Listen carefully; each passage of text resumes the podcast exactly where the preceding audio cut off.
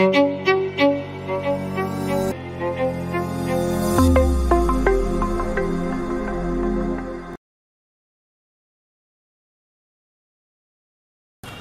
الله الرحمن الرحيم. السلام عليكم ورحمة الله وبركاته.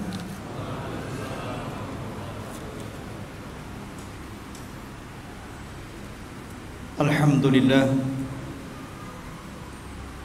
الحمد لله الذي أرسل رسوله بالهدى ودين الحق ليظهره على الدين كله وكفى بالله شهيدا وكفى بالله وكيلا. أشهد أن لا إله إلا الله وحده ربي لا شريك له وأشهد أن محمدا عبده ورسوله الذي لا نبي بعده. قال الله عز وجل يا أيها الذين آمنوا اتقوا الله حق تقاته ولا تموتن إلا وأنتم مسلمون فإن أصدق الحديث كتاب الله وخير الهدى هدى محمد صلى الله عليه وسلم وشر الأمور محدثاتها وكل محدثة bid'ah wa kulla bid'atin dalalah wa kulla dalalatin finnar. Ma'asyiral muslimin yang dimuliakan Allah Subhanahu wa taala. Alhamdulillah pada malam hari ini dengan izin Allah Subhanahu wa taala kita bisa kembali berkumpul di Masjid Jabal Arafah ini dan tema pada malam hari ini sebagaimana sudah disebar tentang kisah nabi-nabi yang dibunuh oleh kaumnya. Asyrul muslimin yang dimuliakan Allah Subhanahu wa taala. Nabi sallallahu alaihi wasallam pernah bersabda Inna asyaddal bala indallahil anbiya Sesungguhnya yang paling dahsyat dari ujian yang Allah Subhanahu wa taala berikan kepada manusia yang pertama adalah para nabi. Tsummal amsalu fal amsal. Baru kemudian di bawah nabi dan di bawahnya lagi. Dari sini menunjukkan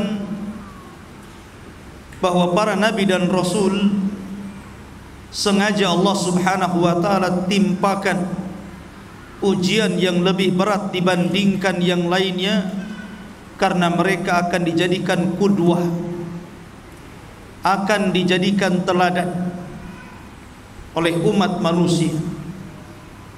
Sehingga wajar ketika mereka diberikan musibah oleh Allah umat bisa melihat kesabarannya dari situlah mereka layak untuk dicontoh dan diikuti. Asyrul muslimin yang dimuliakan Allah Azza wa. Tetapi dengan hikmah yang Allah Subhanahu wa taala berikan kepada manusia. Tidak ada satupun rasul dari rasul-rasul ulul azmi minar rusul yang mati dibunuh. dan itulah isyarat daripada perkataan Hasan Al-Basri rahimahullahu taala ma qutila ahadun min rusulin min ashabis syariah tidak ada satupun dari rasul yang diutus oleh Allah Subhanahu wa taala yang membawa syariat karena Nabi Shallallahu Alaihi Wasallam diutus itu meneruskan syariat yang lama, tetapi Rasul diutus untuk membawa syariat baru dan tidak mengikuti syariat lama, walaupun tujuannya sama mentauhidkan Allah Subhanahu wa Ta'ala. Karena masing-masing Rasul itu berbeda syariat dan berbeda cara ibadah namun tujuannya sama tauhid. Tetapi upaya pembunuhan ada. Baik itu terjadi kepada Nuh alaihi salatu wassalam baik kepada Ibrahim Musa Isa bahkan Rasul sallallahu alaihi wasallam upaya pembunuhan sudah ada. Tetapi Allah tidak takdirkan mereka mati dibunuh Nuh alaihi salatu wassalam sampai mengatakan Rabbi inni maglubun fantasir. Ya Rabb aku hampir-hampir terkalahkan. Karena ketika itu kaumnya Nuh alaihi salatu wassalam sudah mulai membidik Nuh alaihi salatu wassalam untuk dibunuh. Sudah jadi target. Makanya dia mengatakan fantasil tolong aku. Maka Allah subhanahu wa ta'ala menolong Nuh alaihi salatu wassalam. Maka Allah Subhanahu wa taala turunkan banjir bandang yang sangat besar yang kemudian meluluh lantakkan seluruh kaumnya.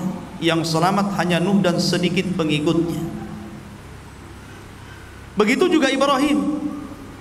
Upaya pembunuhan sudah ada bahkan Ibrahim alaihi salatu wassalam nyata-nyata dilempar ke dalam api tetapi Allah Subhanahu wa taala takdirkan Ibrahim tidak mati Bahkan Allah Subhanahu wa taala berfirman, "Qul ya naru kuni bardan wa salaman ala Ibrahim." Katakan ya Ibrahim kepada api, jadilah kau dingin. Jadilah kau dingin dan selamatkan Ibrahim. Maka api menjadi dingin dan Ibrahim terselamatkan dan tidak jadi mati dibunuh. Nabi Musa alaihi salatu wassalam sama. Dikejar-kejar oleh pasukan besar Fir'aun loh ya.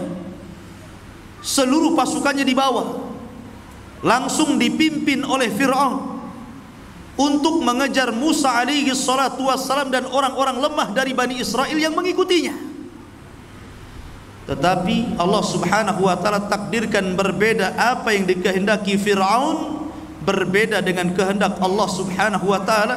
Harusnya dia membunuh Musa tetapi Allah justru mengadab dirinya. Upaya pembunuhan sudah ada di sini. Nabi Isa alaihi salatu wasalam sama dikepung. Dikepung oleh pasukan kerajaan tetapi Allah subhanahu wa ta'ala selamatkan Isa kemudian diserupakan salah satu dari hawariyunnya yang serupa dengan wajah Isa bin Maryam Kemudian Isa ditidurkan dan diangkat ke langit, dialah yang ditangkap, diseret, kemudian digantung, disalib dan dibunuh. Kemudian Yahudi mengklaim bahwa mereka qatalnal Masih ibn Maryam. Kami sudah membunuh Isa. Tapi Allah katakan wa ma qataluhu wa ma sallabuhu walakin syubbiha lahu. Mereka tidak membunuhnya. Mereka tidak menyalibnya. Bahkan yang dibunuh dan disalib itu yang diserupakan dengannya kata Allah. Nabi juga sama. Ada upaya pembunuhan. Bahkan berkali-kali. Ketika hijrah dikepung rumahnya tapi Nabi selamat ketika perang Khaybar Nabi SAW diracun oleh seorang wanita Yahudi tapi Nabi sallallahu alaihi wasallam selamat. Reaksi racun itu baru kemudian sudah lama tidak langsung meninggal ketika itu. Kemudian di Uhud banyak upaya-upaya pembunuhan kepada Nabi sallallahu alaihi wasallam. Tapi Allah Subhanahu wa taala tidak menjadikan Rasul dibunuh, tetapi Rasul meninggal karena sakit. Dari sini ma'asyiral muslimin yang dimuliakan Allah Azza wa Jal Tidak ada satupun ulul azmi minar rasul Mati dibunuh. Tetapi pembunuhan ini terjadi kepada para nabi. Dan umumnya adalah nabi-nabi yang diutus kepada Bani Israel Allah subhanahu wa ta'ala berfirman Awa kullama ja'akum Rasulun bima la tahwa anfus anfusukum mustakbartum fafariqan kadzabtum wa fariqan taqtulun. Setiap kali datang kepada mereka Bani Israel seorang rasul terkadang diutus itu bukan satu daerah satu rasul terkadang ada yang dua rasul satu daerah ada yang tiga rasul satu daerah Ketika kemudian rasul-rasul ini mengajak mereka kepada tauhid. Rupanya ajakan mereka tidak sesuai dengan hawa nafsunya. Bima la tahwa fusukum. Tidak sesuai dengan hawa nafsu kalian. Apa yang terjadi? Istakbartum kalian pun sombong. Sombong artinya menolak kebenaran. Menolak ajakan dakwah dan merendahkan para rasul. Fafariqan kadzabtum wa fariqan taqtul maka sebagian kalian mendustakan rasul itu dan sebagian lagi membunuhnya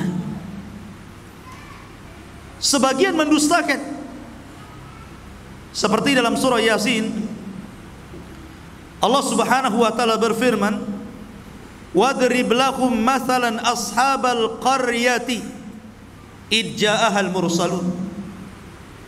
Ya Muhammad Berikan permisalan kepada tokoh-tokoh Quraisy itu Tentang sebuah negeri Ketika para Rasul diutus kepada negeri itu. Id arsalna ilaihim ithnaini Ketika kami utus dua Rasul kepada mereka Dua Nabi kepada mereka kami utus sekaligus Fakadzabuhuma Justru mereka mendustakan keduanya Kemudian fa'azzajna bisalithin. Ketika dua nabi didustakan, Allah tambah lagi satu nabi. Jadi tiga nabi lagi. Kemudian faqalu mereka mengatakan para utusan ini mengatakan inna ilaikum mursalun. Kami ini utusan Allah untuk kalian. Kami ini adalah utusan Allah untuk menyampaikan wahyu Allah kepada kalian. Tetapi mereka mengatakan qalu ma antum illa basyarun mithluna. Kalian ini siapa? Kalian ini sama dengan kami. Kalian ini manusia biasa, sama dengan kami. Wa ma anzalar rahmanu min syai'in in antum illa takdzibun. Bahkan tidak ada satupun ayat yang turun kepada kalian. Kalian ini hanya melakukan kedustaan saja. Saya katakan apa? Fafariqam kadzabtum. Ada sebagian orang mendustakan. Mereka dustakan. Mendustakan para nabi dan rasul dalam dakwah mereka ini akan berlangsung kepada turunannya. Siapa turunan para nabi dan rasul? Para ulama. Karena para ulama itu warasatul anbiya Ulama itu pewaris para nabi. Maka ketika para ulama berusaha untuk menyampaikan warisan para nabi dan rasul, maka kenyataan yang mereka hadapi akan persis seperti yang dihadapi para rasul. Mereka pun sama akan didustakan. Sama akan didustakan. Siapa kamu ini? Bahkan lebih parah, munculnya di zaman sekarang Islam liberal yang mereka mengatakan tafsir para ulama dulu sekelas para sahabat, para tabi'in, para tabi'ut tabi'in itu layak di zamannya saja. Memang relevan sesuai dengan zamannya. Tapi kalau di zaman sekarang nampaknya kurang relevan. Kurang layak. Harusnya kita tafsiri Quran Sunnah itu sesuai dengan zaman kita. Mereka juga manusia, kita juga manusia Allah berikan akal kepada mereka Allah juga berikan akal kepada kita dan Allah katakan afala tatafakkarun. Kenapa kalian tidak berfikir? Lihat dalilnya Quran loh ya. Quran yang menyuruh kita berfikir katanya. Ya beda. Ya. Mereka para ulama warasatul anbiya menguasai bahasa Arab dengan fasih menguasai kaedah-kaedah syariah. Sementara anda kadang-kadang memahami Islam dari terjemahan Al-Quran tidak sama. Pandangan para ulama itu tajam ke depan. Masyurul muslimin yang dimuliakan Allah Azza wa Jalla. Jadi surah Yasin ini sebenarnya menjelaskan tentang sebuah negeri diutus kepada mereka tiga rasul. Dan ini menunjukkan keras kepalanya negeri itu. Kalau tidak keras kepala satu saja cukuplah. Oh sampai tiga pula gitu kan menunjukkan negeri itu memang keras kepala keras hati dan kepala lagi gitu. Mereka menolak dakwah Nabi. Sehingga kemudian ketika mulai mereka berani kepada tiga nabi ini dan hendak bukan hanya sekedar mendustakan dan hampir-hampir membunuh mereka rupanya Allah Subhanahu wa taala takdirkan ada juga yang membela para nabi itu kemudian dijelaskan wajah min aqsal madinati rajulun yas'a. Rupanya ada satu anak muda. Dalam riwayat dia seorang penjahit. Dia beriman kepada dakwah tiga utusan ini, berusaha untuk mencegah kaumnya. Jangan sampai menyakiti tiga nabi itu. Kemudian mengatakan, "Ya qaumi tabi'ul mursalin, ittabi'u ma la yas'alukum ajra wa hum muhtadun." ma liya la a'budu alladhi fatarani wa ilaihi turja'un. Wahai kaumku ikuti rasul itu. Ikuti nabi-nabi itu. Karena mereka berdakwah itu tidak meminta upah sekedikit pun kecuali Allah yang akan memberi dan mereka orang-orang yang diberikan petunjuk sampai kemudian terus menasihati Ketika menasihati menasihati marah kaum ini. Akhirnya dipukuli anak muda itu.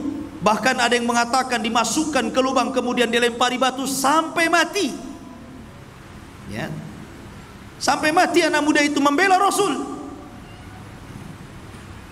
Ketika kemudian ruhnya melayang, ruhnya terpisah dari jasadnya, maka Allah Subhanahu wa taala katakan kila dukhulil jannah. Masuklah kau ke dalam sorga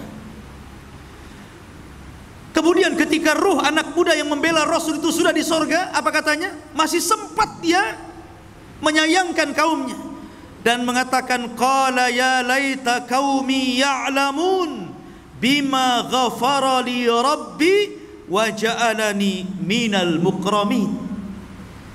Dia mengatakan duhai seandainya kaumku mengetahuinya tentang dosa-dosaku yang Allah ampuni aku dan Allah jadikan aku hamba yang mulia karena dimasukkan ke dalam surga wa ma anzalna ala qaumihi min ba'dihi min jundin minas sama wa ma kunna munzilin ketika anak muda ini mati kemudian ruhnya dicabut dan dimasukkan ke dalam surga Allah tidak membalas dengan mengirim pasukan banyak malaikat tidak. Allah cukup mengutus Jibril. Jibril turun kemudian berdiri di gerbang desa. Kemudian apa? Ingkanat illa sayhatan wahidah tiba-tiba Jibril berteriak satu kali teriakan faidahum khamidu seluruh manusia mati di rumah-rumah mereka jadi ada rasul-rasul itu fariqam kadzabtum. Ada rasul itu yang didustakan. Dan hampir semua para nabi dan rasul didustakan. Nabi saja dikatakan gila, dikatakan sahir, dikatakan syair, macam-macam. Didustakan kaumnya.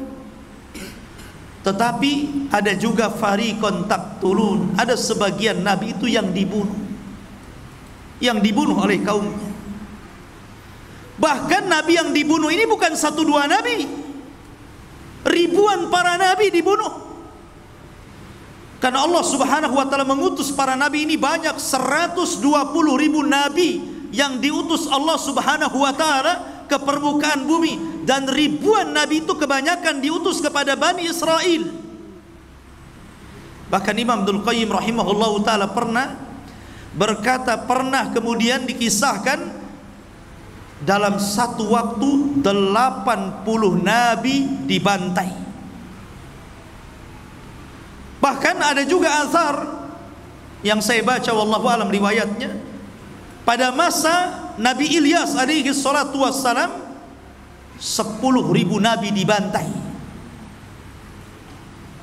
Dan yang ingin saya ceritakan yang menarik kita ceritakan tentang pembunuhan para nabi dan kaumnya ini adalah seorang nabi dari anak seorang nabi anak dan bapak dua-duanya dibantai.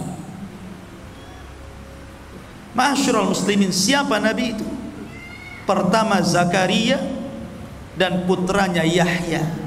Dua-duanya dibantai. Bagaimana kisahnya? Masyarul muslimin yang dimuliakan Allah Subhanahu wa taala.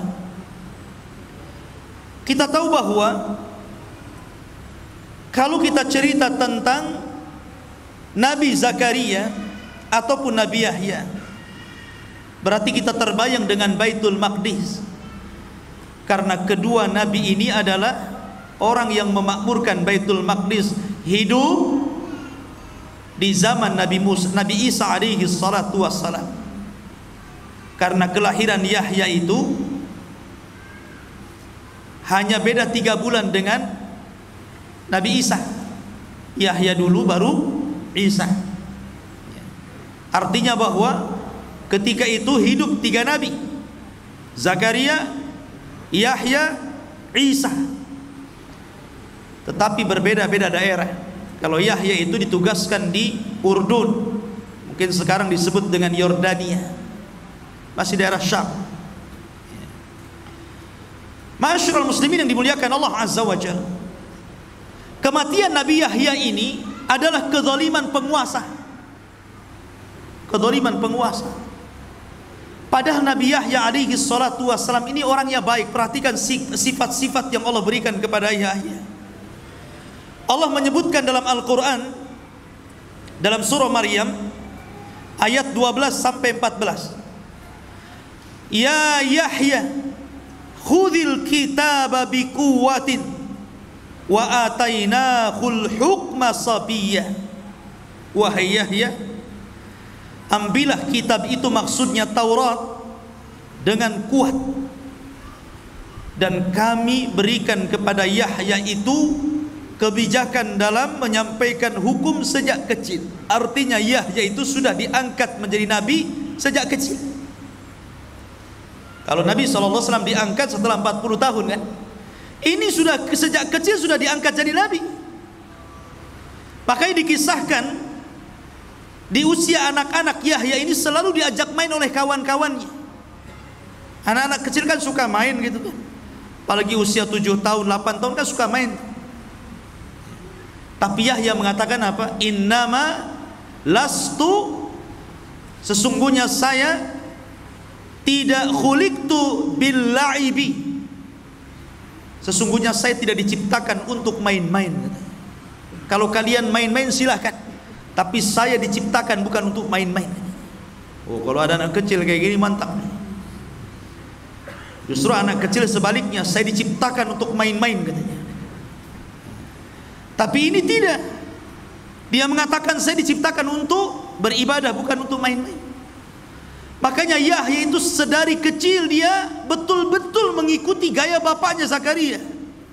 Walaupun Yahya ini sebenarnya kelahiran yang aneh kenapa? Karena bapaknya usianya 100 tahun, ibunya 90 tahun dinyatakan mandul tapi karena nilai sebuah doa Allah kabulkan dan juga berlomba-lomba dalam kebaikan Zakaria. Akhirnya Allah Subhanahu wa taala kabulkan punya anak namanya Yahya. Kemudian Allah mengatakan wahananan milladunna.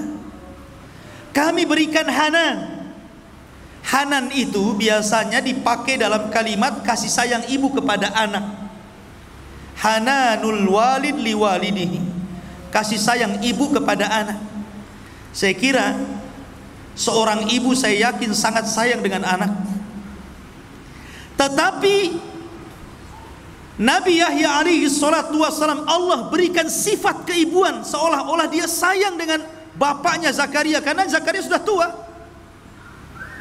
Makanya diberikan sifat itu. Makanya di akhir ayat Allah mengatakan wa barran biwalidayhi.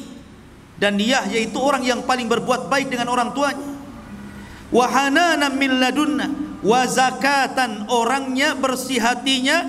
Wa kana taqiya. Orangnya takwa wa barram biwalidayhi. Orangnya berbuat baik kepada orang tua. Lihat. Ini orang baik kenapa bisa dibunuh walam yakun jabbaran asiyah dan dia bukan orang sombong dan bukan ahli maksiat dari sini ikhwatu fillah muliakan Allah azza wajalla makanya heran ketika Nabi Isa alaihi salatu wassalam dihabarkan tentang kematian Yahya yang sangat sadis dia pun sedih dan terus menangis atas kematian Yahya itu. Ceritanya begini. Di Damaskus itu ada seorang raja zalim. Namanya Haddad ibn Hadar. Raja zalim. Tapi walaupun demikian Kalaupun ada apa pun raja ini terkadang juga minta fatwa kepada Yahya alaihi salatu wassalam. Allah takdirkan dia suka dengan salah satu wanita sayangnya wanita ini masih mahramnya sehingga dalam syariat Yahya haram tidak boleh menikah dengan orang yang ada hubungan mahram sama di syariat kita juga sama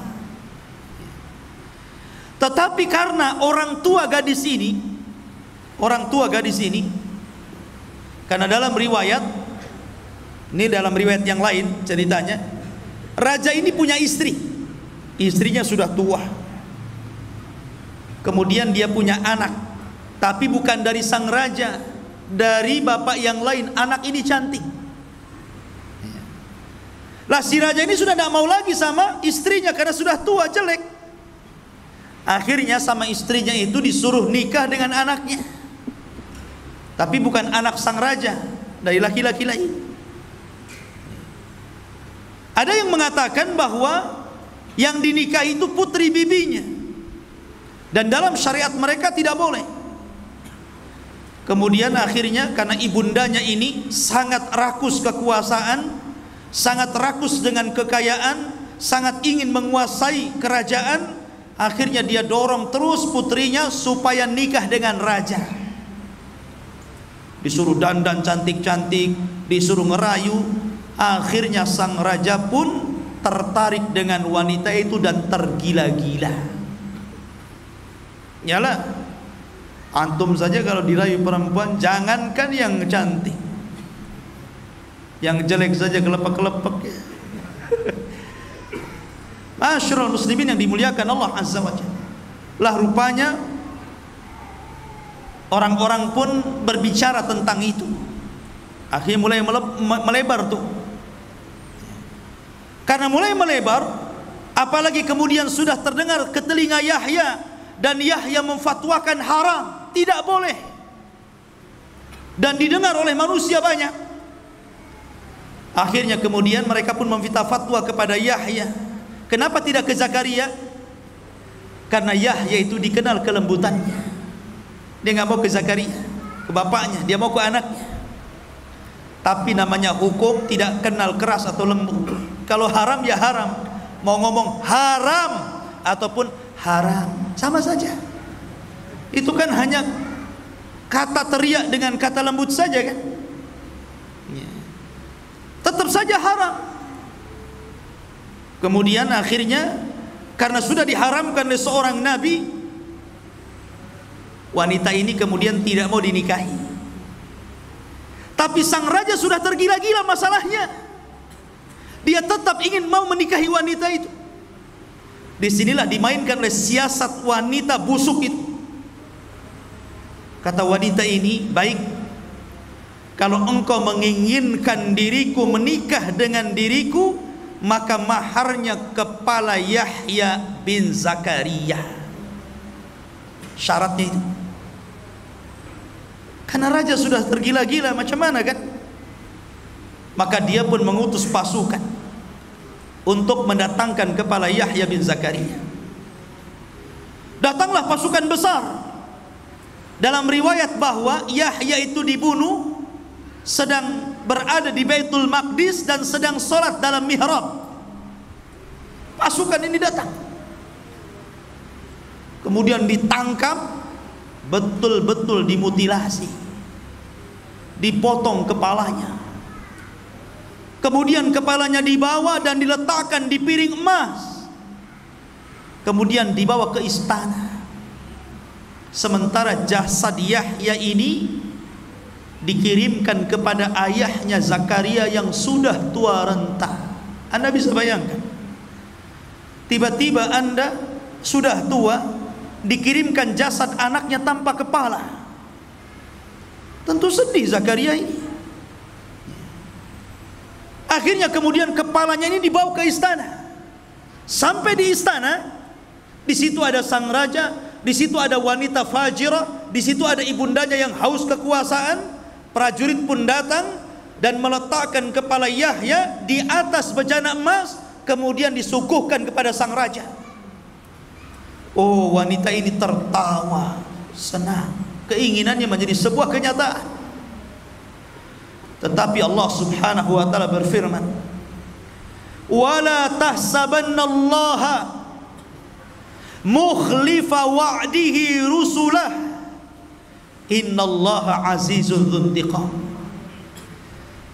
Jangan kira Allah Subhanahu wa taala tidak pernah memberikan janji-janji kepada para utusannya.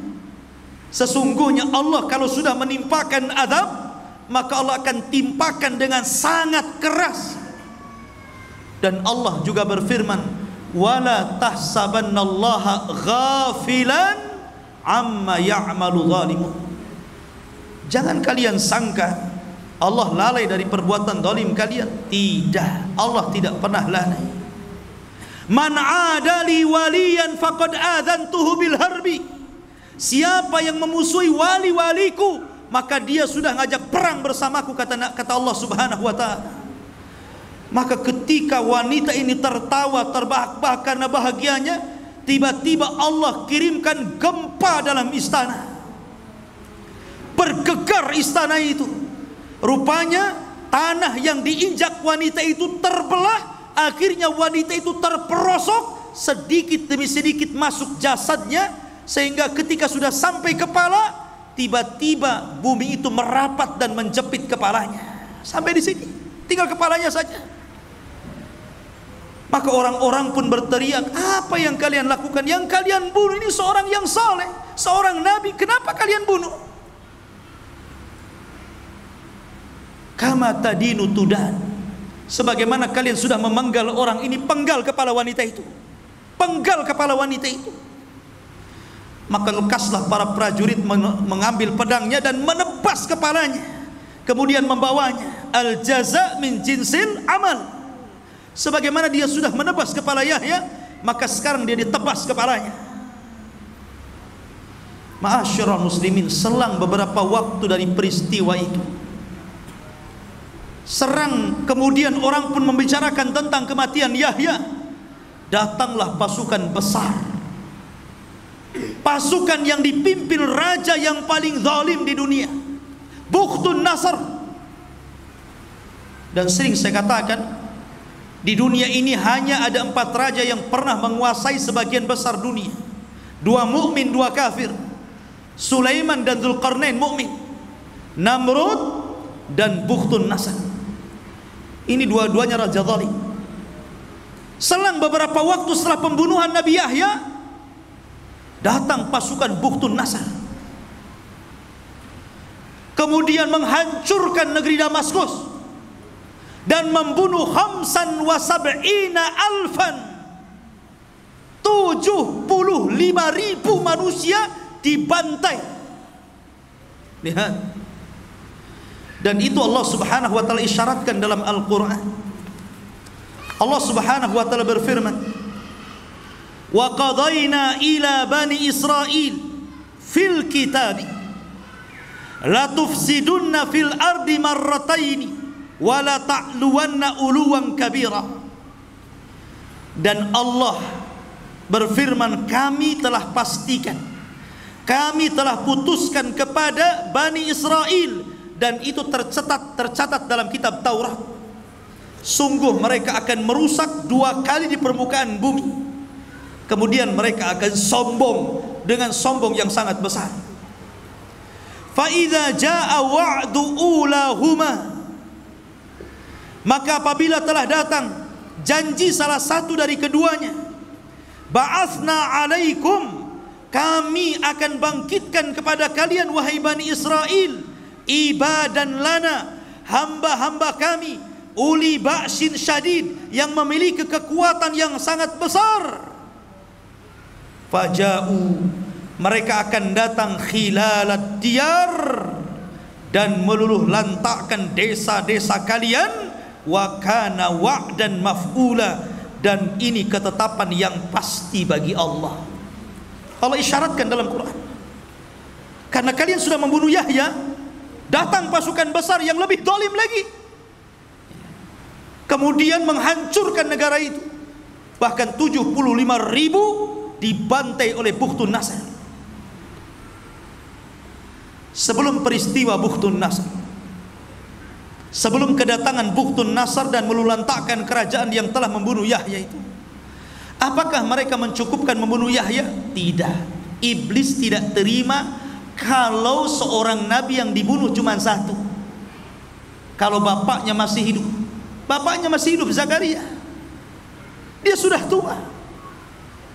Maka ketika para pembunuh ini berkumpul syaitan datang menjelma manusia kemudian membicarakan tentang tuduh-tuduhan kepada Zakaria. Dan mengatakan eh kalian ingat tidak? Maryam kan dahulu punya anak namanya Isa. Tidak ada bapaknya. Dan tidak ada yang masuk ke mihrab Maryam kecuali Zakaria. Jangan-jangan Zakaria yang menghamili Maryam. Nah, mulailah dia. Setan didatang bangkit orang-orang. Itu baru saja membunuh anaknya itu akhirnya mendengar bahwa Zakaria akan dibunuh Nabi Zakaria pun sembunyi ke dalam hutan. Kemudian dalam hutan tersebut ada satu pohon yang menolong Zakaria disuruh sembunyi dalam pohon itu. Tiba-tiba pohon itu belah dan itu mukjizat Zakaria. Masuklah Zakaria di situ. Namun sayangnya iblis datang. Ketika Zakaria masuk, bajunya kemudian ditarik sedikit sehingga ketika pohon itu rapat nampak tuh ada bajunya, sedikit saja. Ketika pasukan itu mengejar Zakaria sampai ke hutan, maka iblis datang dan mengatakan, "Aku tahu di mana Zakaria bersembunyi." Dan untuk memastikan kebenaran ucapan iblis ini, dia memperlihatkan baju yang keluar dari dari pohon itu. Ah, itu dia di situ. Dari sinilah maka para prajurit membawa gergaji.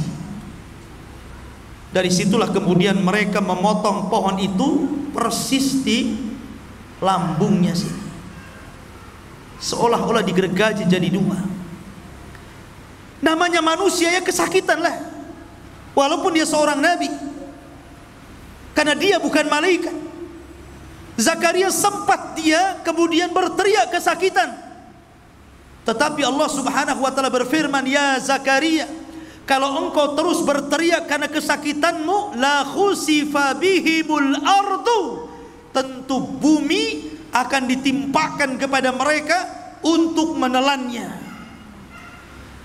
Setelah Zakaria tahu kalau dia sampai terus meneriakkan rasa sakitnya, kaumnya akan ditelan bumi dan akan ditelan oleh bumi yang sangat besar ini, maka dia tutup lisannya dengan bajunya supaya jangan berteriak.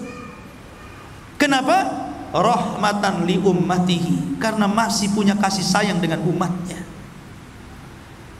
Masih kasih sayang dia berharap walaupun kematian putranya seperti itu, kematian diri seperti itu, masih berharap kaumnya ini sadar bertobat kepada Allah, diutus kepada mereka seorang rasul yang menyadarkan mereka.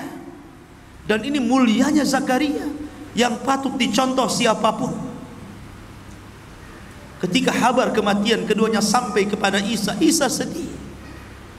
Rupanya apakah sampai kematian Zakaria selesai tidak. Mereka pun membidik Isa.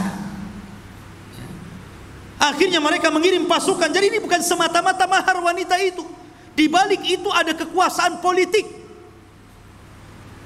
Sudah bukan cerita mahar lagi ini cerita politik di dalamnya memang dari dulu mereka benci para nabi dan rasul maka mereka mulai membidik Nabi Isa bin Maryam mereka kirim pasukan tapi Allah takdirkan Isa tidak sebagaimana Yahya dan Zakaria. Isa Allah Ta'ala.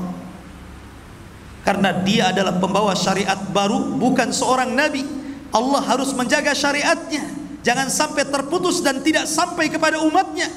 Maka Isa tetap tidak dibunuh dan Allah angkat yang dibunuh orang yang diserupakannya. Barulah setelah kejadian itu semua karena begini ya rusaknya Bani Israel itu setelah wafatnya Zakaria yang sebelumnya putranya Yahya itu menjadi rusak tuh Bani Israel itu. Makanya kerusakan itulah didatangkan Buhtun Nasr. Buhtun Nasr inilah yang kemudian menghancurkan Syam Damaskus sampai kota Palestina ini dihancurkan semuanya. Sampai 75 ribu dibantai Anak-anak, wanita, orang tua Semua dibantai. Tidak dibiarkan hidup. Dan orang-orang Yahudi Yang berhasil lari tidak banyak Yang berhasil ditangkap jadi budak Jadi budaknya Bukhtun Nasr. Dan itu Allah hinakan. Sehingga Allah subhanahu wa ta'ala berfirman Innal ladhina kafar innal ladzina ya innal ladzina yakfuruna bi ayatillah wa yaqtuluna an-nabiyyina bighairi haqqin wa yaqtuluna alladhina ya'muruna bil qisti minan nas fabashshirhum bi adzabin alim. Sesungguhnya orang-orang yang kufur dengan ayat-ayat Allah dan membunuh para nabi tanpa ada sebab yang benar dan membunuh orang-orang yang memerintahkan keadilan dari manusia habar gembirakan kepada mereka dengan azab yang pedih. Dalam ayat yang lain, tadi Al-Imran ayat 21, dan Allah mengatakan dalam surah Al-Baqarah 61, "Wa dzuribat 'alaihimudz dzillatu wal maskanatu wa ba'u bi ghadabin minallah." Ditimpakan kepada mereka Bani Israel kehinaan, kenistaan, kemurkaan dari Allah. Kenapa? Dzalika bi annahum kanu yakfuruna bi ayatillah. Karena mereka kufur dengan ayat-ayat Allah. Wa yaqtuluna an-nabiyyina bighairil haqq dan mereka membunuh para nabi tanpa sebab yang benar. Allah timpakan kehinaan kepada mereka. Ikhwan. Dan sampai hari ini orang-orang Yahudi itu memang seperti itu. Mereka bangga dengan membunuh para nabi itu mereka bangga. Sangat bangga. Dan Allah mengatakan la tajidanna asyaddan nas adawatan lilladzina amanul yahud tidak ada manusia yang paling keras permusuhannya kepada orang-orang yang beriman melebihi orang-orang Yahudi. Tidak ada. Orang-orang Yahudi itu mereka memang menghalalkan darah di luar kelompok mereka. Di luar agama mereka. Wala tarda wala walang tarda warang tarda angkal Yahud walan Nasara. Tidak akan ridho orang-orang Yahudi. Yahudi dulu baru Nasrani. Kepada siapa? Kepada kita. Hatta tattabi'a millatahum sampai kita tunduk dengan ajaran mereka. Tidak, kita tidak mau tunduk. Dan di akhir zaman Nabi SAW mengisyaratkan bahwa kita akan berperang melawan mereka Karena mereka adalah para pengikut Dajjal Dajjal diikuti 70 ribu Yahudi Asfahan Dan kelak karena mereka sudah membunuh para nabi Isa bin Maryam akan bangkit membunuh Dajjal dan pasukannya akan membunuh mereka. Ya. Ma'asyiral muslimin yang dimuliakan Allah Azza wa Jalla.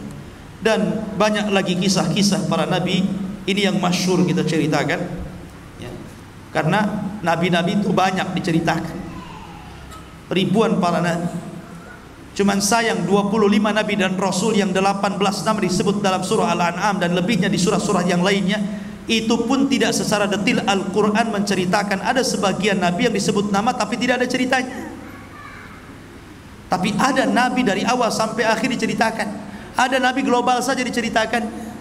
Tapi yang jelas bahwa Al-Quran ingin mengatakan kepada kita la nufarriku baina ahadin mir rusuli. Kita tidak boleh membeda-bedakan para nabi dan rasul kepada siapa pun mereka diutus Allah Subhanahu wa taala wallahu alam bisawab mudah-mudahan ada manfaatnya. Subhanakallahumma wa bihamdika asyhadu an la ilaha illa anta astaghfiruka wa atubu ilaik. Allah taala assalamualaikum warahmatullahi wabarakatuh